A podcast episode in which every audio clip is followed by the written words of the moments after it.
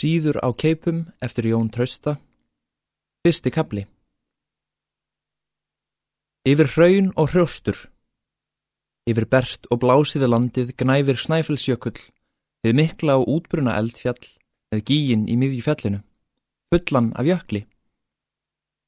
Þar stendur þessi mikli og færi fjallajöfur sem risavaksið minnismerki löngu, löngu liðina stórviðbörða í ríki hljóðrar og þunglindislegra náttúrunnar.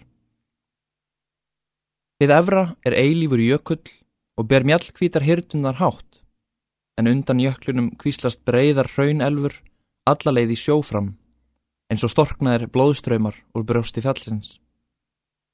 Umhverfis fjallið eru fangamörk jarðaldana kvarvetna, leifar gamalla gíga og hver hraunsteipan ofan á annari. Brímið erjar kvildarlust á hraunbrúnunum og brítur þær upp.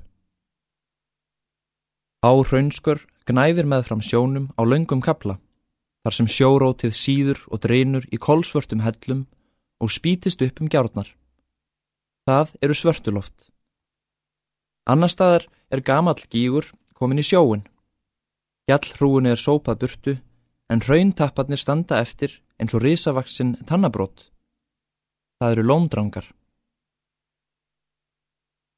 En Snæfellsjökull er líka minnismerki miklu yngri atburða, atburða í sögu Íslands. Nú er hljótt og döflegt undir jöklunum að vestanverðu, þeim megin sem við hafinu horfir, en svo hefur ekki ættið verið. Á því svæði voru fjölmennustu veiðistöðvarnar fyrir á öldum.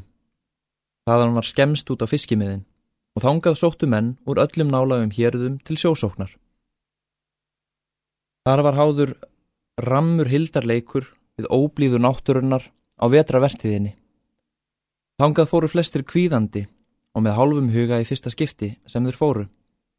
En jafnan síðan með tilhlökkun og fagnuði, því að þangað sóttu menn kjark og kjarlmennsku.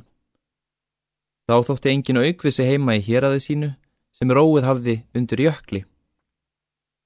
Þar sigumenn sjálfur á árarnar, en letu ekki gangvélar hræra sjóin undir sér, og þar öttu menn kappi við breymlendingarnar án þess að læja löðrið með lísi eða olju.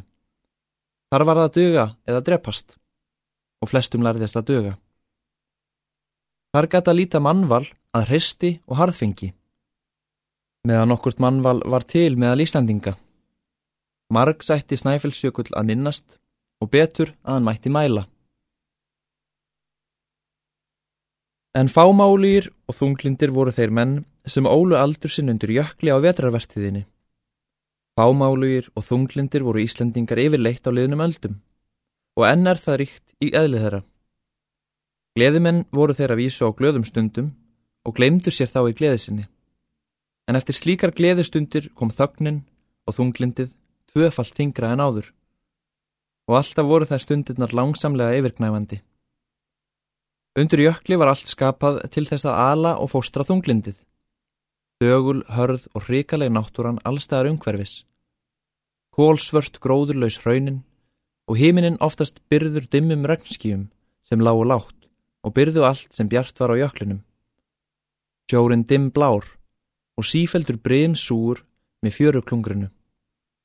Allt hart og fúlt og fjandsamlegt, en þó með slíka auðlegð í skauti sínu að það launaði karlmennsku og kjarki ríkulega. Í slíku umhverfi urðu menn stálslegnir hiðitra. Dögulegur og þungbúnir, með sigg í handunum, nikla í brúnunum, harðir, yllir og óþjálir, en logandi eldur hiðinra, eins og fjallið sem yfir þeim knæfði. Þetta voru menn sem getur voru magni til að elska og hata og dilja hvort vekja vel. Til þess að halda órjúmanlegri tryggð við vini sína og launa hverja eina velgerð með tíu, en hefna þess grimmilega ef gert var á hluta þeirra og gleima því aldrei, þó temt væri. Ræðast við drengilega ef einhverjum þurfti að hjálpa og hjálpa jæmt vinum sem fjandum, eða jafnvel fremur fjandum en vinum, en hata þá eftir sem áður. Þetta voru menn sem ekki blöskraði að horfast í augu við hættuna, menn sem þá voru fyrst í essinu sinu, er komið að vera í krappasta dansin menn sem gáttu fallið en ekki flúið. Meðal slíkra manna hlaut að draga til stórviðburða. og hefur dreyið til stórviðbura, fleiri og meiri en nú eru sögur geimdar um. Þess vegna myndu hraunin kringum Dreitvík kunna frá mörgu og merkilegu að segja, ef þau mættu mæla. Meðal þessara manna gerist sagan sem ég ætla að segja.